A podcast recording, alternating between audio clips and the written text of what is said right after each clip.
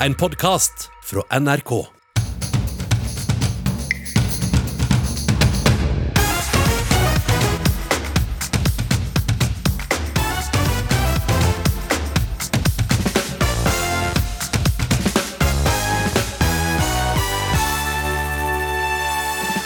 Nei, dette er ikke portforbud. Eh, Men, eh, men eh, det er det strengeste tiltakene vi har hatt siden 12. Statsminister Erna Solberg sier flere kommuner må være forberedt på nye tiltak. Komikerfrue Marna gruer seg til mer hjemmeskole nå som Nordre Follo har stengt skolene. Og programleder Morten Hegseth lot seg provosere da han fikk se norske influensere som dro til Dubai midt i pandemien. det er ganske sånn fuck you på en måte til resten av det norske samfunnet som har jobba ganske hardt. Amanda Gorman blir hyllet etter sin diktopplesning på president Bidens innsettelse. Hele verden trengte disse ordene, sier slampoet Sofie Frost. Jeg heter Linn Beate Gabrielsen og ønsker velkommen til eh, ukeslutt. Vi sender i dag i både P1 og P2 pga. den eh, alvorlige situasjonen rundt det muterte viruset. Alle butikker, med unntak av matbutikker, apotek og bensinstasjoner, ble stengt nå klokka tolv som en del av de strengeste tiltakene siden 12. mars i Oslo og ni kommuner i Østre Viken. Og det har ført til eh, lange køer på bl.a. vinmonopolene i andre kommuner, som eh, Bærum, og statsminister Erna Solberg ber nå folk ta det med ro. Det som er spesielt viktig, er at folk nå roer ned. eh, At man ikke begynner å hamstre, og at man passer på avstanden i køen. Ikke hamstring altså, sier eh, statsministeren. Og reporter Johanne Hauge, du er i Nordre Follo nå, og har bl.a. vært på Ski eh, storsenter. Hvordan er det der nå? Ja, jeg er eh, fortsatt på Ski storsenter. Det har vært veldig, veldig stille. For alle butikkene på kjøpesenteret her er stengt. Bortsett fra matbutikken og apoteket som har lov til å holde åpent. Vi har gått litt rundt og sett. Og det er jo et senter som er åpent, og nå kun for at eh, folk kan gå på matbutikken. Eh, tidligere var det ganske stille, men nå begynner det å komme litt folk. Eh, jeg har ikke sett noen tendenser til, til at folk hamstrer. Altså, jeg har ikke det. De jeg har prata med, sier at de handler det som er nødvendig, og at de ikke ser noen grunn til at man skal hamstre. Skal vi høre litt på et eh, klipp her, som du, et intervju du gjorde med en eh, litt tidligere i dag? Ja, for Ja, det er veldig stille og rolig og fint. Så jeg går en runde nå for mosjonens skyld, og det passer jo bra da når det ikke er noen folk å bytte i. Men eh, hvordan er det å bo i Nordre Follo nå? Det er klart at det, det er jo trist med den utviklinga som har vært nå i det siste. Men den muterte viruset, det er jo veldig skummelt og betenkelig. Men jeg, jeg har ikke det. Jeg er forsiktig uten å ha panikk. Eh, Da sier vi takk til reporter Johanne Hauge. Og da kommunen Nordre Follo på timen stengte ned, så kom det nok som en stor overraskelse på folk i eh, kommunen. Og Marna Haugen, eller komikerfrue, du bor der. Hvordan fikk du vite i går at eh, kommunen stengte ned? Jeg fikk telefon fra mannen min, og han, han var jo på Ski storsenter når dette skjedde. Så det var liksom, han ringte, Jeg tror ikke helt skjønte egentlig hva omfanget var når jeg fikk den beskjeden. da. Så ja. Mm. Men nå har det gått et døgn, og hvordan, eh, hvordan har dere det nå? Eh, Nei da, vi er fatta, altså. Så vi, vi tok altså en runde på butikken i går og bare handla inn litt sånn til vi i hvert fall har til noen dager framover, så vi slipper å drive og fly på butikken. Eh, og så fyller vi med på nyhetene, og eh, vi skjønte jo at dette her ikke kommer til å gjelde bare Nordre Follo kommune, men at det kommer til å gjelde andre, som vi nå ser, da.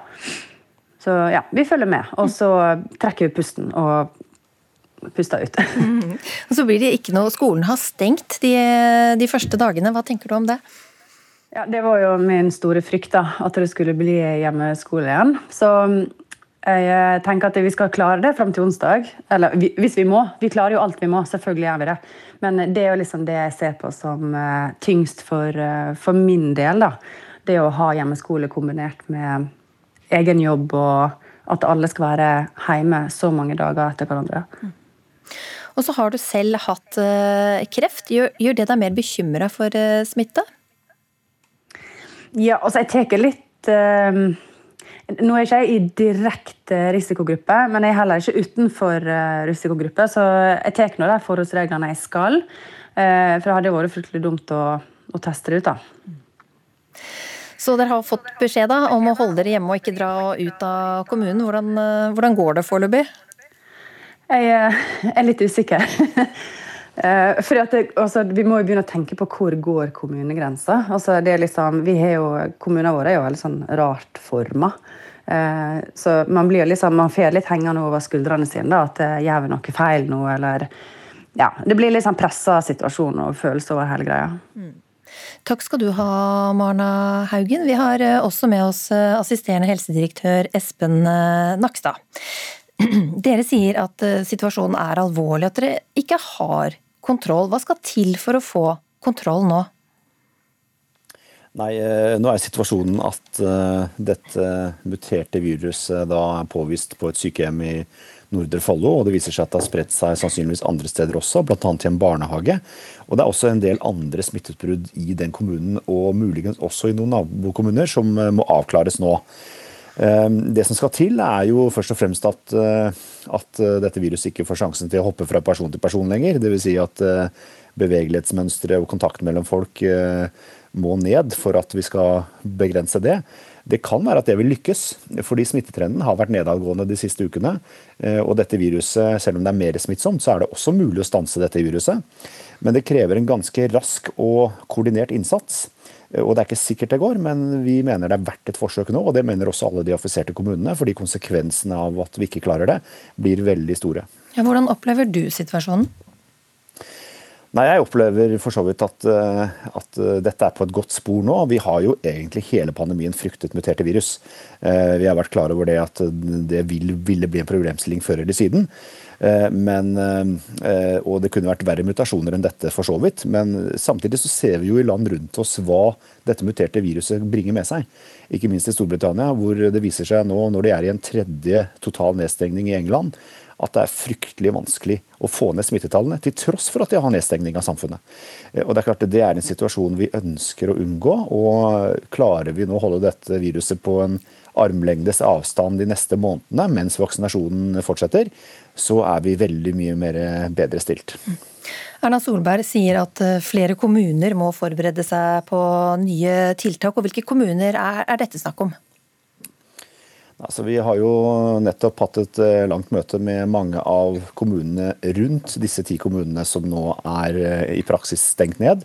Eh, fordi det er jo behov for tiltak der også. Det er jo kjent dette med problemstillinger rundt kjøpesentre, vinmonopol, bevegelsesmønster osv. Så sånn at dette vil jo blitt sett helhetlig på. Og det vil komme, komme råd og koordinerte tiltak også i de andre kommunene. Og så vil dette sannsynligvis kunne endre seg. Det kan jo være at dette viruset plutselig dukker opp i en kommune vi ikke har oversikt over nå. Og det kan være at eh, omfanget er mindre enn det vi tror, og da kan man gå tilbake igjen. Men, eh, så det vil nok bli endringer litt fra dag til dag framover, utover det som nå er besluttet for disse ti kommunene som skal gjelde da ut måneden i første omgang. Som en eh, velregissert finale i et realityshow dro Donald Trump av gårde i presidentflyet Air Force One til lydsporet av My Way med Frank Sinatra da han runda sin presidentgjerning på onsdag.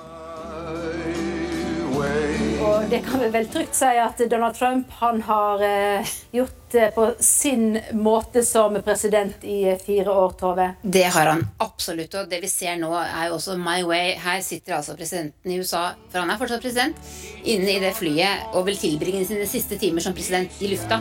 It was my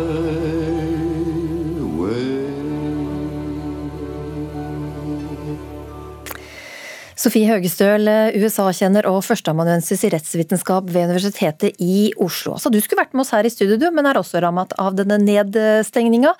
Var dette en passende avskjedslåt Trump hadde valgt seg? Ja, det var jo passe surrealistisk å se på. Det, det, jeg kunne liksom ikke tro det når det var den musikken som kom på idet han lettet og, og tok sin siste avskjed med DC. For denne gangen, som han sa. Vi skal snart snakke mer om uh, musikken, men uh, først. Mens Trump da dro av gårde for å starte sitt nye liv i Florida, og innsettelsesseremonien gikk sin gang uten Trump, så sto tilhengere av uh, konspirasjonsbevegelsen QAnon forvirret igjen. Føler de nå at Trump har forlatt dem? Ja, eller mange av de har jo trodd på, på en rekke ganske ytterliggående konspirasjonsteorier, hvor, hvor de hele tiden har liksom, mantraet deres har vært at det er en større plan her. Og den planen er jo selvfølgelig at Trump skal bli sittende som president. Uh, og da, da, ser det ut som mange av de det begynner å gå opp fordi at kanskje ikke det har vært en større plan her, nå som Trump har måttet gå av. Uh, og du ser også at Proud Boys, for eksempel, som er en annen ekstra høyreekstremistisk gruppe, har også kalt Trump patetisk siste dagene. Så det ser ut som han mister litt disse, disse konspirasjonsteorigruppene som har vært rundt han siden han startet som president. Hva trodde disse egentlig at skulle skje under innsettelsen av Biden? Nei, altså De trodde at den skulle bli stanset på en eller annen måte, og at Trump skulle fortsette. Og så er det eh, noen da som fortsatt tror at det er Trump som har kontrollen? Ja, eh, men, men, The Washington Post skriver i går at du ser mer og mer på nettforumer til disse gruppene at, at nå spriker det litt, og at de kanskje kommer til å, å komme opp med nye teorier og kanskje omgruppere seg litt. Så mm det har jo vært en av de tingene som man har snakket mye om de siste fire årene. Trump har et sånn jerngrep om basen sin. Og nå er kanskje spørsmålet vil det løsnes litt, nå som han ikke har det utrolig symboltunge vervet som president. For det, det, det, um, han, nå er han jo bare en vanlig borger som bor i Florida. Mm. Trump trakk seg altså tilbake med eget eh, lydspor, My Way med Frank eh, Sinatra, som vi akkurat hørte, og Ole Moen, forhenværende professor emeritus i Nord-Amerika-studier ved Universitetet i Oslo. Sinatra var også en av favorittartistene til en annen president, John F. Kennedy. Ja, han var jo det. Kennedy, altså Sinatra-klanen som vi sa, var jo en gruppe rundt eh, Peter Lawford var jo svoger til Kennedy, og han var jo en av gruppa. og og um, Sammy Davis jr. og andre.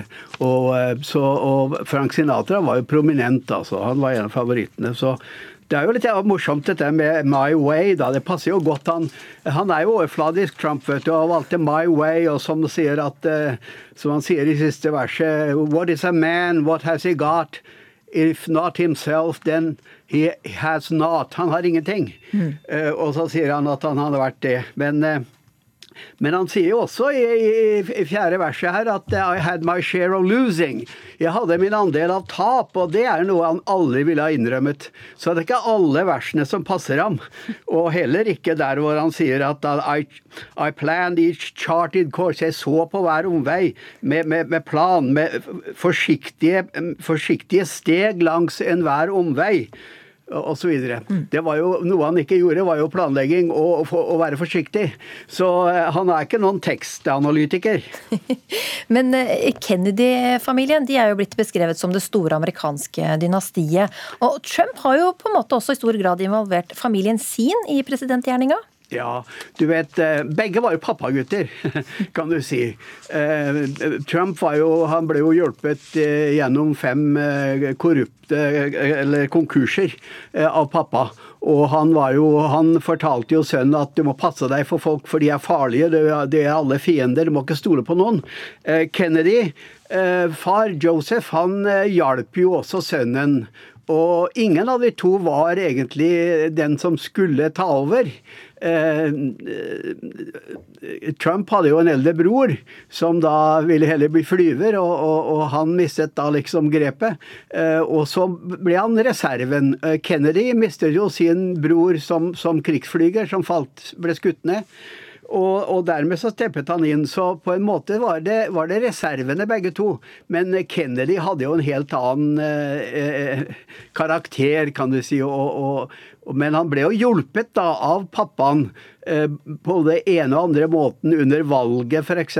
så, så eh, er det jo ingen liten tvil om at, han, at eh, når det gjaldt Cook County i, i, i Illinois, så var det en borgermester i Chicago som hjalp ham veldig der. og det var jo, Han vant jo bare med 100 000 stemmer. Så han fikk, fikk god drahjelp. Og pappa hjalp ham også med publisering til og med av en sånn eh, studieoppgave i, i college, og, og, senere fikk han jo en Pulitzer Prize for Profiles in, color, color, in Courage, som Ted Sørensen, hans rådgiver, hadde skrevet. Jeg skjønner. Pappaer har også vært viktige for presidenter, skjønner vi. Jeg sier takk til deg, Ole Moen, og til Sofie Høgestøl. Men vi skal ikke helt forlate denne seremonien, fordi en 22 år gammel slampoet ble superstjerne over natta etter sin opptreden på president Joe Bidens innsettelsesseremoni. For there was always light if only we're brave enough to see it, if only we're brave enough to be it. Ja, Amanda Gormans framføring av The Hill We Climb ser ut til å ha truffet en nerve langt utenfor eh, USA. Twitter-kontoen hennes fikk titusenvis av nye følgere i minuttet under framførelsen, og hun har blitt eh, hyllet av superstjerner som Oprah Winfrey og Michelle Obama. Sofie Frost, altså du har vært både norsk og nordisk mester i slampoesi og kom til finalen i Norske Talenter, som kanskje noen husker. Eh, Gorman har blitt en skikkelig snakkis også her til lands. Hvordan opplevde du henne under innsettelsen? Som veldig inspirerende. Jeg syns hun klarte på en måte å sette ord på følelsene som en hel verden har akkurat nå. Ikke bare når man tenker på politikken og alt som foregår i USA, men selvfølgelig pandemien som påvirker så utrolig mange, og hvordan vi kan ja, prøve å for, ja, forholde oss, være sterke og ja, virkelig satte ord på det jeg tror mange ikke helt har fått til ennå. Hva betyr det for dere som driver med dette, da, at eh, hun fikk en sånn framtredende rolle? Å, det er så stas! Jeg syns alltid det er veldig kult eh, når slampoesi og spoken word får litt fokus. Det er, ikke, det er ikke så stort i Norge ennå. Det er blitt eh, litt mer populært med årene, men det er jo fortsatt litt sånn undergrunnskultur, så vi syns det er veldig stas når vi får litt fokus på kunsten vår. Og du har med deg eh, eget bidrag her nå. Kan vi ja. få høre? Selvfølgelig. Kan dere det? Ja, Skal jeg bare starte, da? Kjør på. Ja. Jeg har glemt hvordan det er å være menneske. Glemt hvordan man ter seg blant folket, de som vandrer der ute i den store, vide verden, tilsynelatende uten fortid, tilsynelatende uten mørke, men med lette steg og smil om munnen, mens jeg har glemt hvordan man gjorde det. Smile. Jeg vet jeg en gang klarte det, jeg har sett bildene av fjeset mitt og det store gliset, men jeg kan ikke helt huske. For nå er det som om musklene i ansiktet, de som skal dra opp munnvikene, har blitt kuttet tvers av, det er ingen kontakt. Ingen mulighet for noensinne smile igjen. Og jeg ser dem, de der ute, tenker at en gang var jeg en sånn en, jeg òg. En sånn en med røde kinn fra den friske luften, med en latter som satt løst, med et glimt i øyet, med klær på kroppen jeg tok på selv. Mens nå har hukommelsen sviktet for jeg fanger meg selv i å stirre inn i skapet, se på alle klærne uten helt å skjønne hvordan det var man kledde på seg. Hvordan kle på seg det mennesket jeg var. Det mennesket andre vil jeg skal være, det mennesket andre tror jeg er, selv om kroppen fortsatt er til stede. Og jeg puster og blodet pumper, hjertet slår, så er det som om tiden står stille.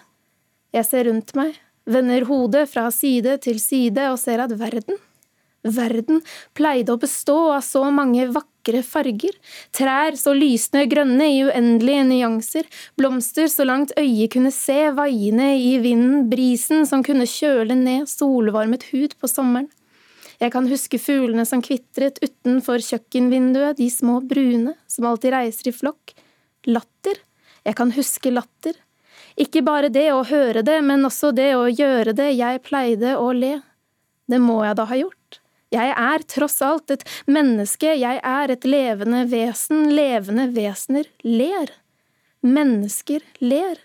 Jeg klarer bare ikke helt å forstå det lenger. Jeg ser dem, menneskene, som sitter på kafeer med venner, drikker kaffe, spiser, ler. Jeg kan se det, men jeg klarer ikke helt å fatte hvordan de gjør det. Hvor kommer det fra? Jeg har mistet det.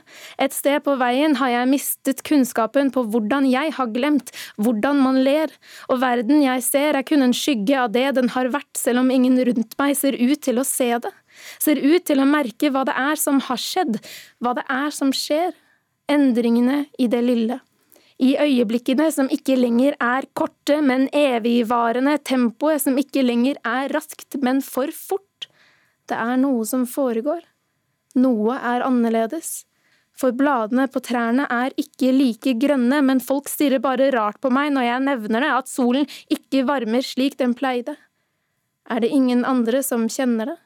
Hele verden er i bevegelse samtidig som jeg står helt stille, som om tiden har trukket seg inn i kroppen og stoppet opp mens alle rundt meg haster av gårde, det er en form for ubalanse. Jeg sier at verden har blitt gråere. Er det ingen som kan stoppe opp og se det, ingen som kan roe ned tempoet, stå stille med meg i noen minutter? Møte meg, sånn helt på ordentlig? Vise meg at jeg ikke er alene? Er det ingen der ute som har glemt hvordan det er å le? Tusen takk, Sofie Frost. Da ønsker vi velkommen til deg, direktør i Folkehelseinstituttet, Camilla Stoltenberg. Eh, vi hørte Raimond Johansen her si at det er første gang vi har såkalt eh, villsmitte. Hva, hva betyr det egentlig? Det betyr at eh, smitten ikke kan spores tilbake til en person som har en reisehistorie fra Storbritannia eller fra Sør-Afrika. Mm. Og det gjelder jo da spesifikt disse virusvariantene. Nå har vi innført de strengeste tiltakene da, siden 12.3 i enkelte kommuner. Hva er forskjellen på situasjonen 12.3 og nå? Likheten er at det er pandemi, og at eh, vi hele tiden streber etter å holde den under kontroll.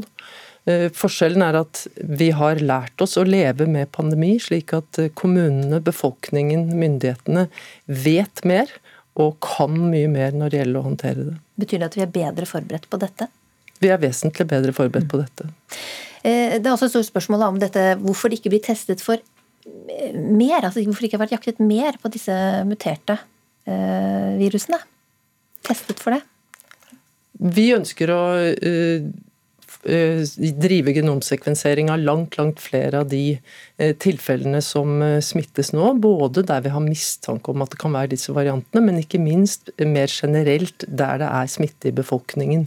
For å finne ut hvor mye smitte det er som foregår som ikke spores tilbake til personer med reisehistorie. Vi har ventet på at dette ville skje og er forberedt på det, og har skalert opp eh, virksomheten vesentlig. Og vi har etablert en metode som gjør at det nå tar få dager å gjennomføre den genomsekvenseringen, slik at vi nå raskt vil komme opp i mye større skala. Eh, det europeiske smittevernbyrået har sagt at man bør teste minst 500 per uke, og at man eh, bør ha det som et minimumsmål. Eh, og at det bør være 5% av alle prøvene som testes, og helst 10% Vårt mål er helt klart å nå 10% Vi klarer ikke akkurat i øyeblikket å si hvor fort vi kan komme dit. Hvor langt unna er vi nå, da? Nei, Det klarer jeg ikke å svare på. Jeg håper at jeg skal faktisk kunne svare litt bedre på det i hvert fall om kort tid, kanskje senere i dag allerede. Mm. Men hvorfor, hvorfor, hvorfor, har vi på en måte havnet der, da? At ikke vi klarer å teste eh, nok nå? For det første så er jo den ordinære testingen som vi driver med, den er avgjørende også i denne situasjonen. Og de tiltakene vi driver med, sånn som testing, eh, smittesporing, er helt avgjørende også nå. Eh, og det har vi skalert opp vesentlig de siste Men månedene. Selve, selve mutasjonene, liksom? Den mutasjonstestingen er det der de fleste land gjør ikke det i det hele tatt. I Norge ble det etablert tidligere i, altså tidlig i epidemien, i, i 2020 og eh, er skalert opp hele tiden. Og vi har ligget blant de landene som gjør dette i størst grad i Europa. Danmark har ligget høyere, Storbritannia etter hvert. Og eh, Island selvfølgelig, som gjør det på alle. Der har situasjonen vært helt spesiell, for de har hatt en helt annen kapasitet for den andre land. Og så tar det tid. Slik at det svaret man da får, det avspeiler det som er situasjonen tilbake i tid. Så det er de generelle tiltakene som er avgjørende også her, og den generelle testingen som er avgjørende for å kontrollere pandemien. Og så trenger vi denne informasjonen i tillegg for å følge med på hva som skjer, og hva vi kan forvente framover. Da sier jeg tusen takk eh, til deg, Camilla Stoltenberg.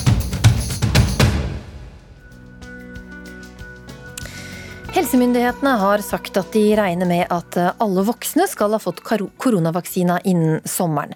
Men det er ikke gitt at alle vil ha vaksina. Én av ti sykepleiere sier nei til å ta koronavaksina. Det viser en undersøkelse fra Sykepleierforbundet. Og hele fire av ti er usikre. Lege Wasim Sahid, når kommer du til å ta koronavaksina? Jeg kommer til å ta koronavaksinen så snart jeg får tilbud om det.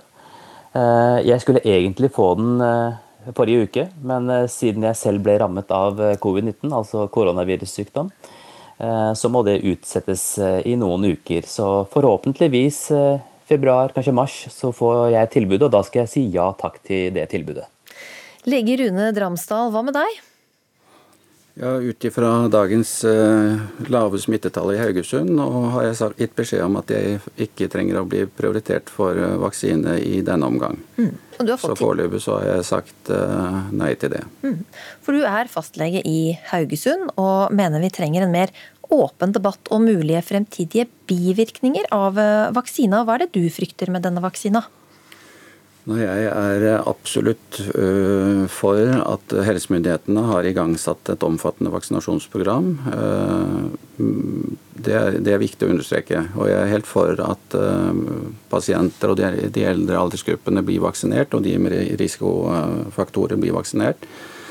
Men jo lenger man kommer ned i aldersgrupper, så må man fortløpende gjøre en vurdering av muligheten også for framtidige bivirkninger. også da bivirkninger som kan gå på eh, langtidseffekter når det gjelder det immunologiske systemet i kroppen. Ja, Hva slags bivirkninger kan det være? Nei, Vi vet jo at dette er en ny type vaksine eh, som ikke har vært utprøvd på så stor del av befolkningen noensinne. Eh, og vi vet at andre vaksiner, også denne vaksinen, vil kunne gi påvirkning på det immunsystemet i kroppen. Eh, så langt så er det ikke vist noen uh, spesielle effekter på dette, men uh, vi må i hvert fall ha dette i bakhodet. Mm. Det som jeg har etterlyst, er jo en litt mer åpen debatt i det offentlige rom og i media, for det er veldig mange pasienter som kommer på kontor og spør. Til de eldre over 65 år så har jeg sagt at dere må la dere vaksinere når tilbudet kommer. Til de yngre så har jeg sagt at uh, det tar en tid før tilbudet kommer til dere, så dere får avvente litt informasjon i media og gjennom uh, lokale helsemyndigheter mm. når dere får tilbud om den vaksinen. Wasim Sahid, du mener vi ikke trenger å snakke så mye om fremtidige bivirkninger. Hvorfor ikke? Det mener jeg absolutt ikke. Det pågår, og har pågått hele tiden, store og faglige diskusjoner i fagmiljøene om eh, sikkerhet, om effekt, bivirkninger. Eh, så det, det fortsetter jo. Eh, men det å ha en åpen diskusjon ut i offentligheten om et tema som er så komplisert som dette her, det, jeg skjønner ikke helt hva man oppnår med det. Hvordan man da kan bidra til å gi mer oppklaring. Snarere så tror jeg det kan mer usikkerhet og forvirring og mer skepsis. Og så er det jo sånn at uh, kollegaer nevner her at vaksinen kan påvirke immunsystemet. Ja, selvsagt kan det. Formålet med enhver vaksine vi noen gang har laget, er å påvirke immunsystemet. Nemlig å lære opp immunsystemet til å kjenne igjen mikrober, virus, bakterier, og beskytte oss mot eh, disse virusene når vi i fremtiden blir rammet. Så det er jo hele poenget. Ja, nå, vi dårlig, nå ble det litt dårlig lyd på deg. Jeg vet ikke om du har beveget deg til et annet sted som gjør at det er litt dårlig forbindelse, men i hvert fall Rune Dramsdal, da. Eh, det er jo også langtidsvirkninger av å ha hatt eh, covid-19. De er jo også høyst usikre. Er det ikke like stort sjansespill det, å risikere å få korona? Jo, per i dag så er det faktisk ingen som vet dette med sikkerhet. Og det er ingen som med hånden på hjertet kan si uh, hva langtidskonsekvensene av en gjennomvaksinering av befolkningen vil være. Og det samme ved gjennomgått og etter gjennomgått uh, koronainfeksjon. Men du er ikke mer redd for det? Uh, jeg er bare opptatt av at vi skal ha en kanskje større grad av åpenhet og debatt, og også faglig debatt i det offentlige rom rundt dette. Fordi jeg opplever i hvert fall som fastlege som snakker med mange pasienter eh, og andre om dette, mange føler at de har så lite informasjon. Media kommer med informasjon. Det blir på en måte en sånn forventning om at alle skal ta vaksinen. Men det må også være lov å stille spørsmål. Eh, og jeg er enig med Wasim. Jeg tror, jeg tror eh, mer informasjon i det offentlige rom både på det vi vet, men også på det vi ikke vet og ikke kan si noe om konsekvensene av i dag. Det vil i større grad kunne gjøre at hver, eh, hver og en kan gjøre et informert valg om de vil ta vaksine eller ikke. Wasim Sahid, er du, frykter du at vi får mange gratispassasjerer vi skal kalle det, som gjerne vil bli kvitt koronarestriksjoner, men som ikke selv vil ta vaksina? For at eh, vi skal få slutt på pandemien, og for at vi skal få bukt med de store restriksjonene, som vi ikke minst har sett i dag, eh, så er vi jo avhengig av at en tilstrekkelig andel av befolkningen lar seg vaksinere. Eh, så å være gratispassasjer Man kan jo ha en diskusjon om det etiske rundt det i det hele tatt, men rent praktisk så er det også veldig uheldig, for det vil ikke gi den ønskede effekten, nemlig en god nok flokkimmunitet, slik at vi kan få bukt med denne pandemien. Da må jeg si tusen takk til dere, Wasim Sahid og Rune Dramsdal. Det har blitt eh, rabalder rundt eh, influensere som har eh, pakka kofferten og poster innlegg fra varmere og mer eksotiske strøk. Programleder Morten Hegseth venter selv tålmodig på vaksine før han skal ut og reise. Han syns det er provoserende å se influensere på Dubai-tur. For reiselystne, det er mange av oss, også reporter Philip Johannesborg. Ah, hola. Uh, uno cerveza sin alkohol, uh, por favor. Ah, hadde det ikke vært deilig med en tur til Syden nå? Etter ti måneder med pandemi og reiserestriksjoner har flere kjent på abstinensene. Her er meg eh, da jeg var yngre på Gran Canaria. Her ligger jeg, eh, litt langt hår, en sigg i den ene hånda og en eh, liten grønn shorts i den andre. Programleder og journalist i VG, Morten Hegseth, drømmer seg tilbake. Men han reiser ikke. Eh, når dette viruset slipper tak, så skal jeg også ta lekre bilder i bikini og si at det er deilig å være på ferie. Ikke i Dubai, men et annet sted. Ibiza vil jeg dra til. For Morten Hegseth er ikke som andre påvirkere, om vi kan kalle ham det.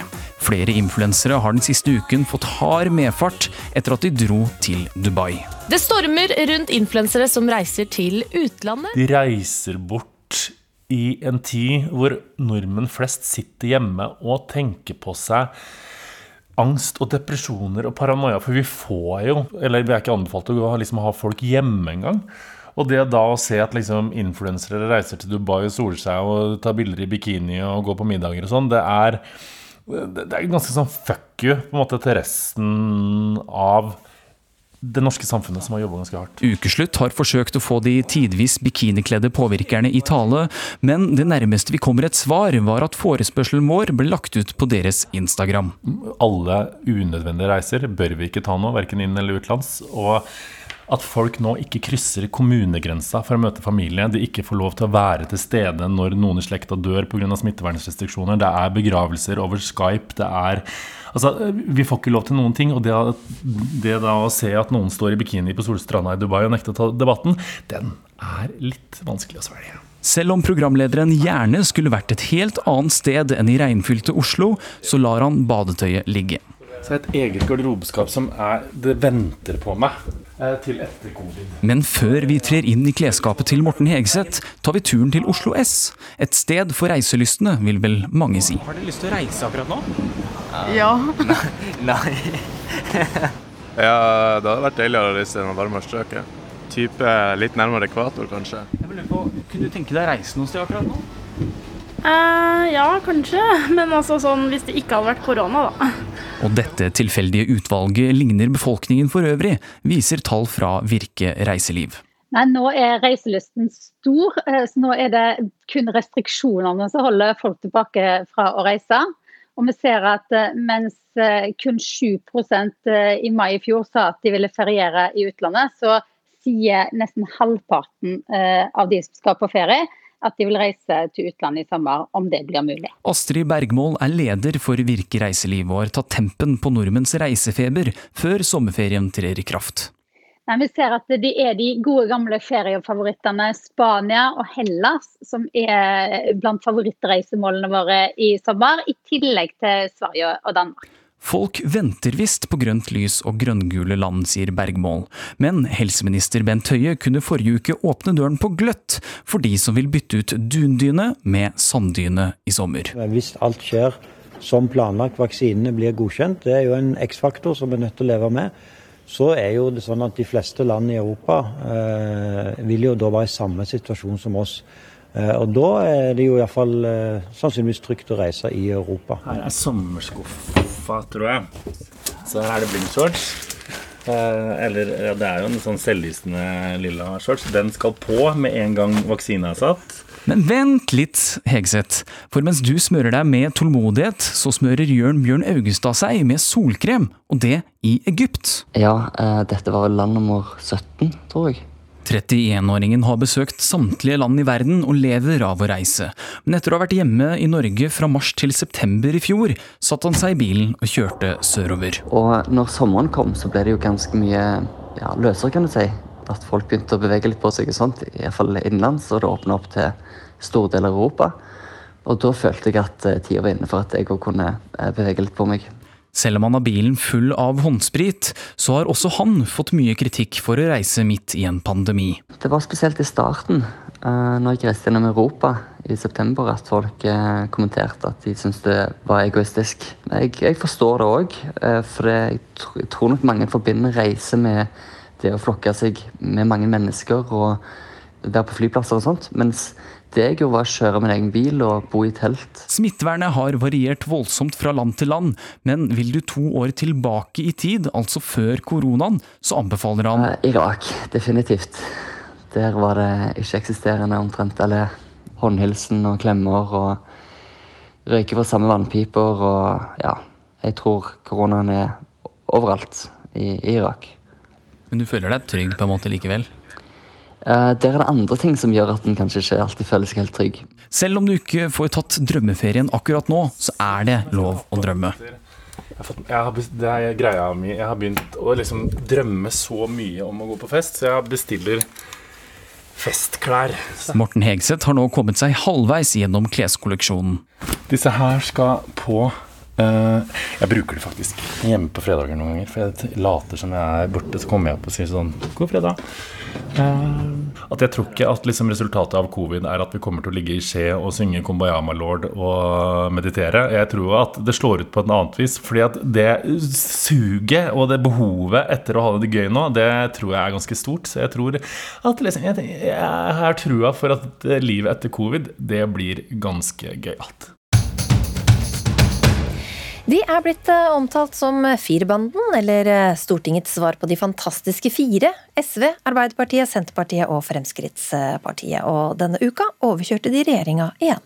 Vi mener at her har regjeringa vært eh, for bakpå. De fire opposisjonspartiene har derfor samla seg Han har blitt enige om Overkjørt regjeringa. Om flere eh, forslag. Tvang i dag altså regjeringen til å snu. For at regjeringa eh, mer effektivt skal gjøre jobben sin med å hindre importsmitte. Men eh, disse er langt fra superhelter, slik de er i tegneserien Fantastic eh, Four. De er koronapopulister. Det skriver du, Nils August Andresen, redaktør i eh, Minerva. For denne uka fikk vi for alvor se koronapopulismen komme til Norge, skriver du. Hva mener du med det?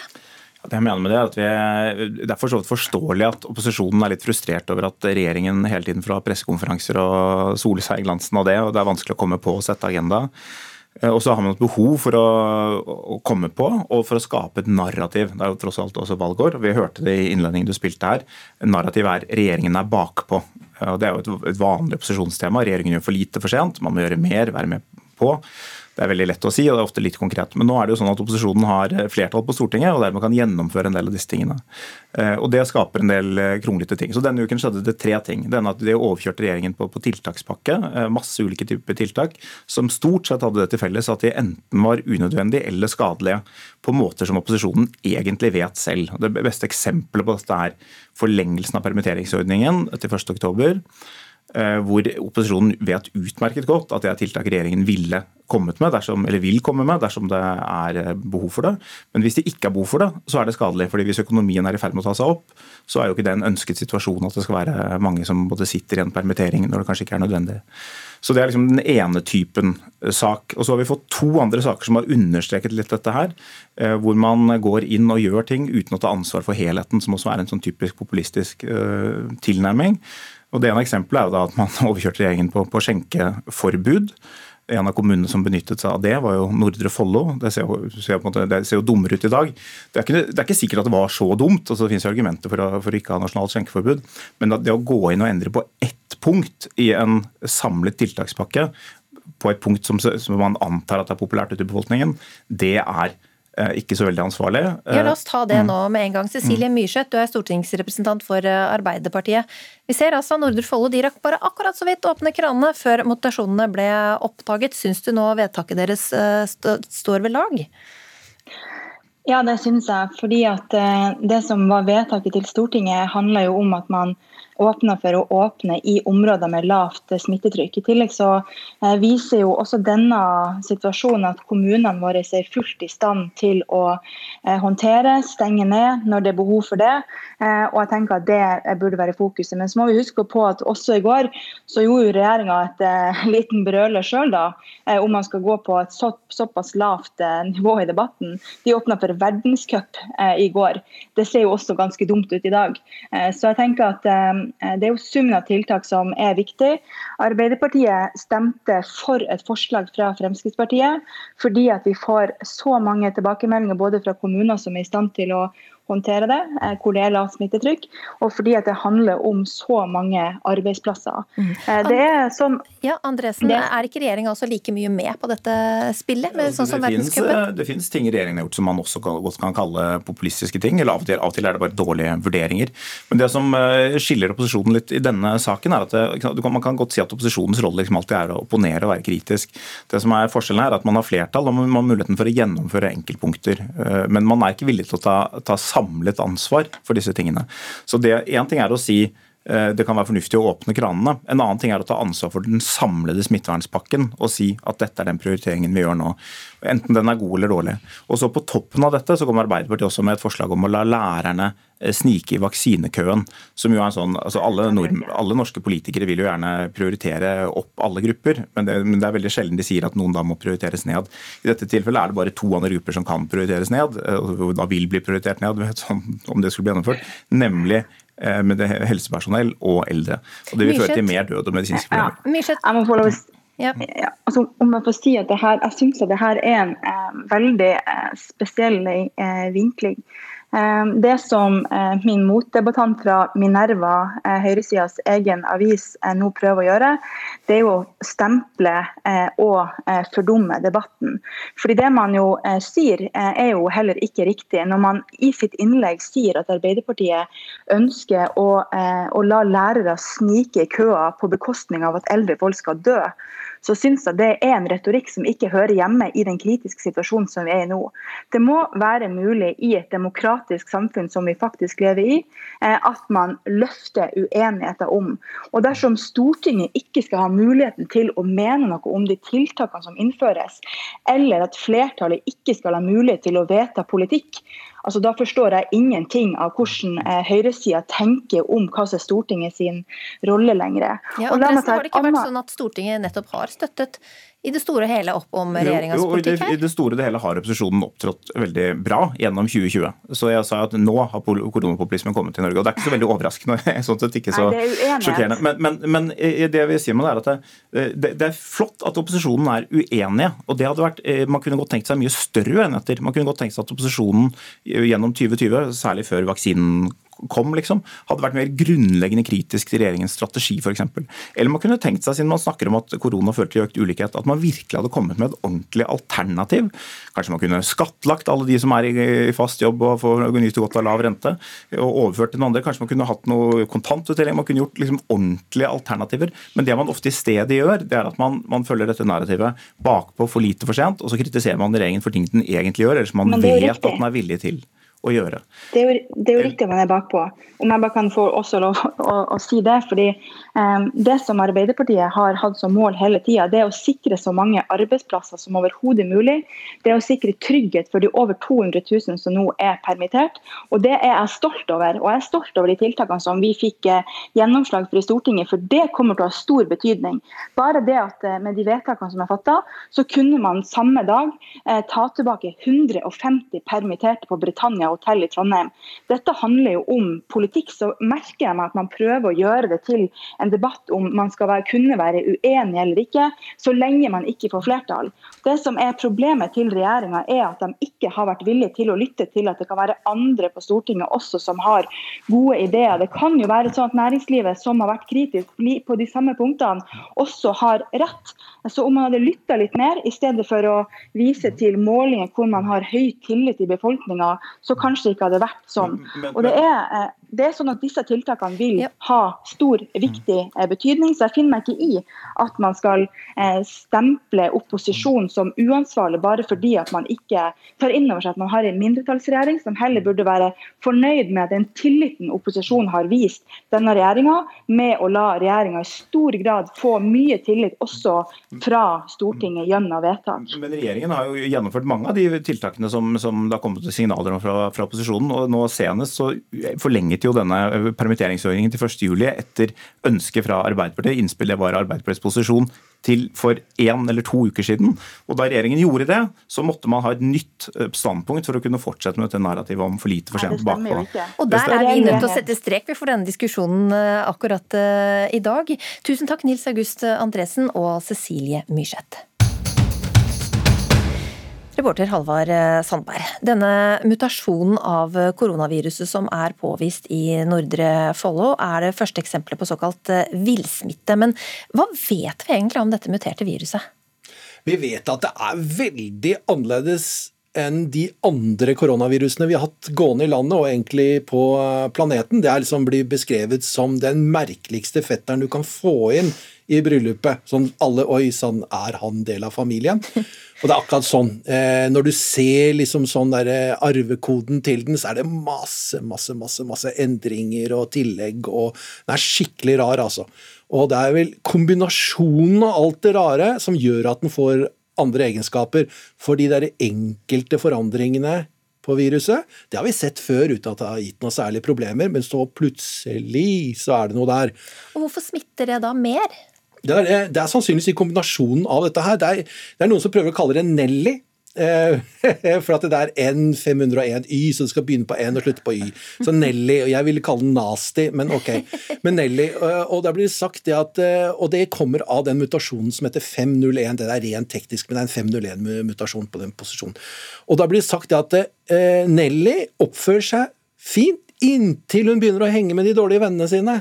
Så det er liksom denne mutasjonen sammen med de andre i kombinasjon som gjør det at det viruset får andre egenskaper. Men eh, forskerne er fortsatt ute til lunsj når det gjelder akkurat hvordan, men de antar at det må jo være der. Mm. Men hvorfor er situasjonen mer alvorlig nå, da? Når du får noe som er mer smittsomt inn, så er det vanskeligere å kontrollere det. Sånn som du og jeg sitter i et studio i Marienlyst i Oslo nå, og vi er da to meter fra hverandre, slik vi skal være i henhold til reglene. Men er jeg syk nå, så sender jeg ut smitte til deg. Men det har vært så lite. Men det vanlige viruset er så lite at du, du, har nesten ingen risiko. Men hvis jeg har den mer smittsomme varianten, så skal det mindre virus til for å smitte deg. Da blir du smitta i denne situasjonen her. Og det gjentar seg og gjentar seg og gjentar seg i tusenvis av tilfeller. Da får du akselererende, eksplosiv smitte i samfunnet. Du, tusen takk for at du kom hit og forklarte for oss, Halvard Sandberg. Melodi Grand Prix, Norges største musikkfest, er i gang. Og i den andre delfinalen i kveld så gjør du MGP-comebacket til eh, Stockholm.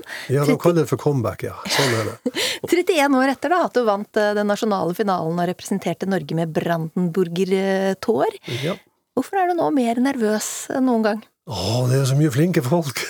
og ennå vet vi ikke hvem som kommer til de neste delfinalene. Det kan jo komme noen av de mest mestselgende og flinkeste artistene på berget kan jo møte opp. Og det har jo rett og slett å gjøre med at, at vi har jo mista festivaler, klubber, puber all, Vi har jo mista kontakt med publikummet vårt.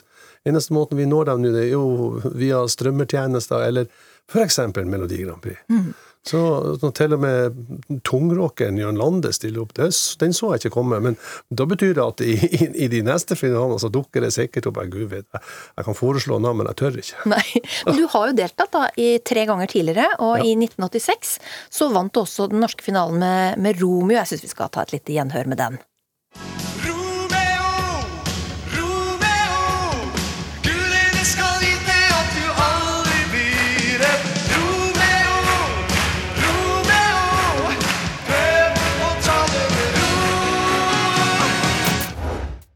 Ja, her opptrådte du i en fantastisk rosa dress, og så hoppet du bortover scenen sammen med Great Garlic eh, Girls. Har du den dansen inne fortsatt, eller? At jeg har, ja. Ja. ja. den kan jeg. Jeg jobber jo som lærer, vet du, så jeg har jobba i 20-25 år som lærer, vet du, så til stadig så er det jo eh, noen av jentene som skal ha meg til å vise hvordan danse. Så jeg får jo repetert den år etter år, så ja, jeg kan stegene. Blir det dansemos i kveld òg? Ja, jeg skal ikke bevege meg så altfor mye. Vi har jo et par andre av ungdommene som skal være med i kveld, som er kvalifiserte dansere, så jeg tenker at eh, De tar seg av det? De tar seg av den biten. Men hvordan har eh, Grand Prix forandra seg siden den gang? Husker det siste gang jeg var med i Melodi Grand Prix, det var jo 1990. Da arrangerte man Da var Melodi Grand Prix rimelig stemoderlig behandla av NRK, og da man hadde arrangerte finalen nede på en restaurant i midten av, midt i Oslo. Sant? Og så satt fagjuryen rett frem for deg, og så leverte de inn stemmene mellom hovedretten og desserten. og, og, media var heller ikke noe grei mot oss som var i Melodi Grand Prix. Altså, jeg var litt fedd up akkurat da. Så det, det var etter 2000 det tok seg opp igjen? Ja, tok seg opp igjen. og Mm. Melodi Grand Prix fikk en boost, og, og flere av kjempeflinke folk ble, ble med. Og sånn, Mm. og jeg har jo fulgt med helt siden tidenes morgen, altså, siden jeg var en liten gutt. da. Og jeg har tre sønner, så vi sitter og, og, og stemmer som bare juling. Helt opp gjennom et stykke opp i 90-tallet så var jeg veldig flink å ta 1, 2, 3, 4, 5, sånn, både i Norge og i utlandet. Nå har jeg ikke sjans. ja. Nå er det kona som tar alle, og jeg skjønner ikke det. Ja, Nå blir det Tyrkia som vinner. Tyrkia, altså! Er du gal? Og så var det Ukraina et år. Jeg så ikke den komme heller. Nei, Det er jo altså- halve moroa, det. Ja, den gjetteleken der. Men nå var vi inne på 80-tallet, og i år så skal vi tilbake til 80-tallet, og det sier du, artist Ray eh, Lee. Hallo! Hei sann! Hvordan tar eh, låta du deltar med i kveld, 'Hero', oss med tilbake til 80-tallet? Du, det er jo masse 80-tallsvibber i den. Uh, og det syns jeg er veldig gøy, for jeg har vokst opp i en familie med masse 80-tallsmusikk. Så jeg tror min pappa er veldig glad i år at det ble den låta der. Vi skal høre en liten uh, smakebit.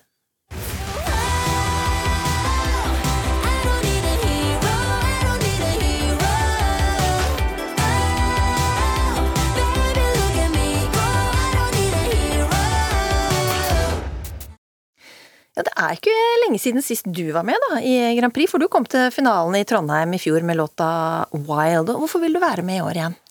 Du, nå etter, etter suksessen med Wild, så, og etter det stemmetrøbbelet som skjedde i fjor, eh, så fikk, jeg, så fikk jeg fort en telefon igjen om at eh, vi har lyst til å ha deg med igjen, om du har muligheten, om du har lyst, og da er det selvfølgelig et soleklart ja. Det her er jo Altså, blås i litt skandaler og sånn, det er bare show, det. Eh, Men når jeg får lov å få tilbud til å bli med igjen, så selvfølgelig sier jeg ja. Tror du det er en fordel at du har dette Grand Prix-sirkuset friskt i, i minnet når du deltar nå? Som for min egen del, av min egen trygghet på scenen, så kan det være en fordel, men det er absolutt ingen fordel, fordi jeg har masse store konkurrenter rundt meg her. Eh, Så det her kommer jeg, altså, hvis jeg skal vinne dette her, så må jeg få folket med meg. Eh, Og det, og det prøver en jo på, via sosiale medier og sånn, men en kan jo aldri vite. Nei, nei, nei. Har du noen tips til Stokkan her, da? Det er jo en stund siden han sto på Grand Prix-scenen. Ja, du, du hører jo at som hun sier det, at hun er jo vokst opp i et team der, der markedsføring foregår på sosiale medier og over internett. Det er jo nytt for meg, da. Men det er du som har lagd en stor hit, Romeo. Den kan til og med jeg, uten at jeg var født det året. Eh, Og det sier jo litt, så jeg tror heller du skal komme med noen tips til meg. Men tror du, tror du den litt sånn legendestatusen da er en fordel for deg ja, i det er syvende gangen jeg hører ordet legende. Jeg føler meg så gammel når folk sier legende. Liksom. Da er du liksom oppe i 80-årene. Sånn. Det betyr bare at du er kjempedyktig. At du er liksom Du er godt likt her. hjertelig, hjertelig, hjertelig. Men, eh, men som du sier også, du må få med deg publikum. Det er det som til syvende og sist eh, eh, det, det er det det dreier seg om. Og nå er det låta My Life Is eh, Ok som du, eh, du bidrar med i år. Hva slags låt er det? Det er jo litt med der i tida at vi er så opptatt av å vurdere utseende og vurdere hudfarve og seksuell orientering, religion, og så istedenfor å, å, å, å være litt bevisst på at vi er ok. Jeg er ok. Ok, så har jeg en lyte, så har jeg et handikap, ok, så har jeg en annen hudfarge. Men jeg er ok. Jeg er ok. Vi trenger det. Vi trenger det. La oss høre litt på den også.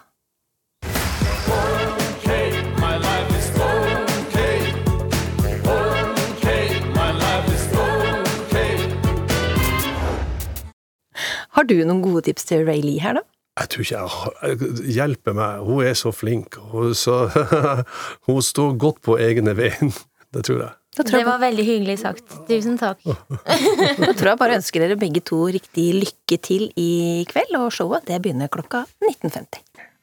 Nå skal det handle om eh, dotten, eller kanskje ikke dott, nedentil. Ina Luna Gundersen, går du for eh, dott eller eh, hårfritt? definitivt dott. Og Tanja Jasmin Kvamsdal, hva går du for? Jeg går for uh, hårfri dott. Hårløse underliv, det er det som møter deg, Pernille Nylén. Du er gynekolog og overlege på kvinneavdelingen ved Haugesund sykehus. Hva forteller dine pasienter deg? Um, for det første har det vært en tendens i de siste 10-20 årene at så å si alle kvinner er barbert nedentil. Eh, de fleste glatt barbert, en del har litt mer sånn frisyre.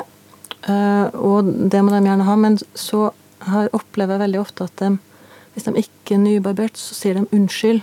Unnskyld at jeg ser så ustelt ut. Uh, og det, altså det, siste vi gynekologer tenker på, er om folk har barbert eller ikke barbert eller fletta eller hva de har. Vi vil undersøke dem for å um, enten bekrefte at de er friske eller finne sykdom. Jeg syns jeg har aldri tenkt på hår som ekkelt.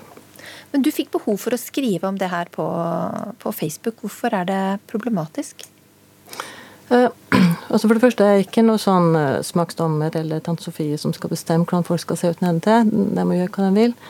Uh, men en ting er å liksom synes at noen syns det er fint å være barbert, det er greit nok. Men når det har blitt stygt og ekkelt, altså unge jenter begynner å barbere seg i 13-14-årsalderen så snart de har fått så vidt litt hår på ja, hva skal vi kalle det, musa eller høna. Ja. eh, og hvis de ikke gjør det, så får de kommentarer i dusjen, og de får til og med kommentarer fra sexpartnere om at det der er ekkelt. Og da er vi på ville veier. Og så blir det litt absurd at når de da barberer seg, så må de jo se på sine edle deler, så ser de kjønnsleppene sine, og så da skal jeg se sånn ut, det her er unormalt, og så springer de til helsesøster og sier er vanskapt, og så kommer de til meg og vil opereres for å redusere kjønnsleppene. Kjenner til oss, Så sier jeg men kanskje du skulle ha håret gro, for det er jo naturlig beskyttelse. Mm. Og da ser de på meg litt sånn sjokk og vantro. Jeg kan jo ikke det. Sånn at du syns du har for lange kjønnslepper, og du syns det er vondt når du sykler, sier en del. Men så vil du ikke liksom bruke den helt naturlige beskyttelsen som vi er skapt med. Mm. Og da syns jeg vi har sant, Da har vi fått liksom både at kjønnsidealene og kroppspresset har til og med kommet til underlivet, og at noe helt naturlig er ekkelt. Det Mm. syns jeg er trist. Ina Luna Gundersen, du er frilansjournalist og kroppshårsaktivist. Hvordan er det for deg med dott å gå til gynekolog? Ja, det er veldig interessant det, det, som blir sagt her. fordi jeg er jo faktisk en av de som også har beklaget meg til gynekolog. Eh, og nå har jo jeg gått uh, ubarbert uh, over hele kroppen, egentlig. Både uh, leggene og alt. Men når jeg er hos gynekolog, så sier jeg at du, jeg beklager, men jeg har ikke barbert meg, bare så du vet det. Eh, og det er jo Det kommer jo fra at jeg blir jo fortalt jevnlig at jeg er eh, ekkel som lar håret gro. Jeg ser ikke i mediebildet, jeg ser ikke på TV eh, kvinner som ser ut som meg. Og det er noe rart og ekkelt. Og da har jo jeg også et behov for å eller føler et behov da, for å måtte beklage meg. fordi at eh, når man liksom skal opp der og se, så ja, og jeg har også blitt fortalt på fest av en venninne at uh, jo, men Ina, det å dra til gynekologen uten å barbere seg, det er jo som å dra til tannlegen uten å pusse tenna først. Og det gjør man jo ikke når man skal opp der og titte og sånn. Så må du jo sørge for at det er velstelt. Sånn at jeg opplever veldig at uh, ja, det er veldig stigma rundt det å la håret gro, da. Mm. Tanja Jasmin Hver vei når du kommer til, til gynekolog, det er liksom greit at du har dusja siste uka, men det kan umulig være noen gynekolog som har sagt at folk skal barbere seg. Og jeg lurer på hva Jeg er interessert i å høre hva sier gynekologen da, når du beklager derfor at du ikke har barbert deg? Sier de æsj, eller hva? Nei, absolutt ikke. Det er jo Nei, nei, det går jo helt fint, får jeg beskjed om det. Det gjør jo ingen verdens ting. Og så fortsetter jo de med jobben sin. De er jo profesjonelle, de, og det prøver jeg også å fortelle meg selv, at de er jo vant til underliv som ser ut på alle mulige måter, de. Og de, ja, det har jo ikke noe å si. Og det prøver jeg å fortelle meg sjøl, men så er det et eller annet bak der da, som sier det at ja, men jeg er jo så ekkel og eh, uhygienisk, da. Fordi man blir, får det implementert fra man er ganske ung, at sånn skal det ikke se ut der nede. Vi har faktisk en gjest til med her. Tanja Jasmin eh, Kvamsdal, du driver et eh, voksestudio i Oslo. Skjønner du at gynekologen undrer seg over å aldri se et eh, kjønnshår? Jeg må faktisk si at jeg kjenner igjen det hun sier. Men så klart, jeg sto jo på den motsatte siden. Ja. ikke sant? For hun på en måte får jo de som da allerede har ordnet seg, fordi at de ønsker å føle seg velstelt før de går til gynekologen eller lege og sånn. Fordi at de kommer jo til meg først og sier jo da at de skal f.eks. møte noen eller lege og sånn, og så ønsker de å fjerne hår før de liksom skal dit, da. Så jeg kjenner igjen det. Men hva er bra da med å være glattbarbert? Eh, hva skal jeg si? Jeg tror det er faktisk et selvvalg. Det er noen som syns det er greit å spare. All ære for det. Og så er det noen som liker å fjerne alle hårene med voks, og det er jo fordi at da føler man seg freshere, mer vel, rett og slett. Altså, det er rett og slett egen velvære. Så man føler at man er liksom ordnet, på en måte. og, ja. Er det, er, hva sier kundene dine da om sine motiver måte for å gjøre det?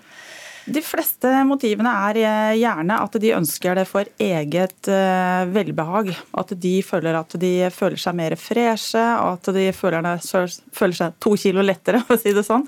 At de har fått bort hår og sånne ting. Så jeg har en veldig sånn følelse at det er et selvvalg, rett og slett. Altså det er ja.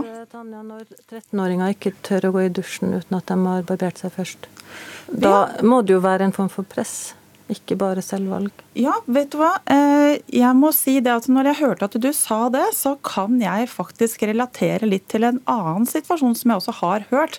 Og det er jo det for eksempel, eksempel Ja, det må jeg bare si at når jeg driver studio sånn, så har ikke vi 13-14-åringer. Sånn at jeg er ikke kjent med den veldig tidlig i tenåringsproblematikken. Men jeg hører hva du sier, og jeg har også selv hørt kvinner f.eks. når de er i treningsstudio, svømmehaller, hvor de da kan nevne 'herregud'. Jeg så den dama liksom som hadde den bushen i går. Skjønner ikke at det går an. Sånn at jeg kan godt tenke meg at eh, ja, hva skal jeg si, ja, at uh, kanskje folk har blitt mer vant til at uh, folk fjerner og sånn, og, og, kanskje noen er mediepåvirket eller påvirket av venner og, og sånt noe, og så kan sånne uheldige, dessverre, kommentarer komme ut, da. Og det er jo veldig trist at det skal være sånn, for hår er jo en naturlig ting. Men jeg tenker også at det må også være et selvvalg om man har lyst til å fjerne eller ikke, og det er veldig kjedelig hvis det er et press, kroppspress, rett og slett. Ina Luna ja, og, Gundersen, og så, hvordan er det med deg? Er det mer frihet, føler du, med hår? Ja, absolutt. Jeg opplever det som mer frihet, fordi jeg slipper jo nettopp det å dra ned til et voksstudio og få kjempevondt. Det gjør jo dritvondt å barbere, nei, å vokse seg. Jeg har jo gjort det før. Og føle det at Eller jeg, jeg følte jo før at jeg ikke kunne gymme hvis jeg ikke hadde barbert leggene mine etter to dager. Eh, ikke sant? Jeg kunne ikke gå på stranda. sånn at det å slippe det da, og bryte seg løs fra på en måte det presset som Pernille sier, det er, det er en frihet for meg. Mm. Da må jeg må si jo, tusen takk ja, for at dere ble med i Ukeslutt. Gynekolog Pernille Nylien, Tanja Jasmin Kvamsdal og Ina Luna Gundersen. Ukeslutt i dag har vært prega av nedstengninga av ti kommuner pga. det muterte koronaviruset, eller fetteren du ikke vil ha i bryllupet, som Halvard Sandberg sa. Statsminister Erna Solberg sa bl.a. dette.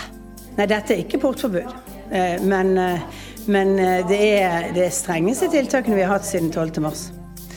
Og så ba hun oss om å roe litt ned.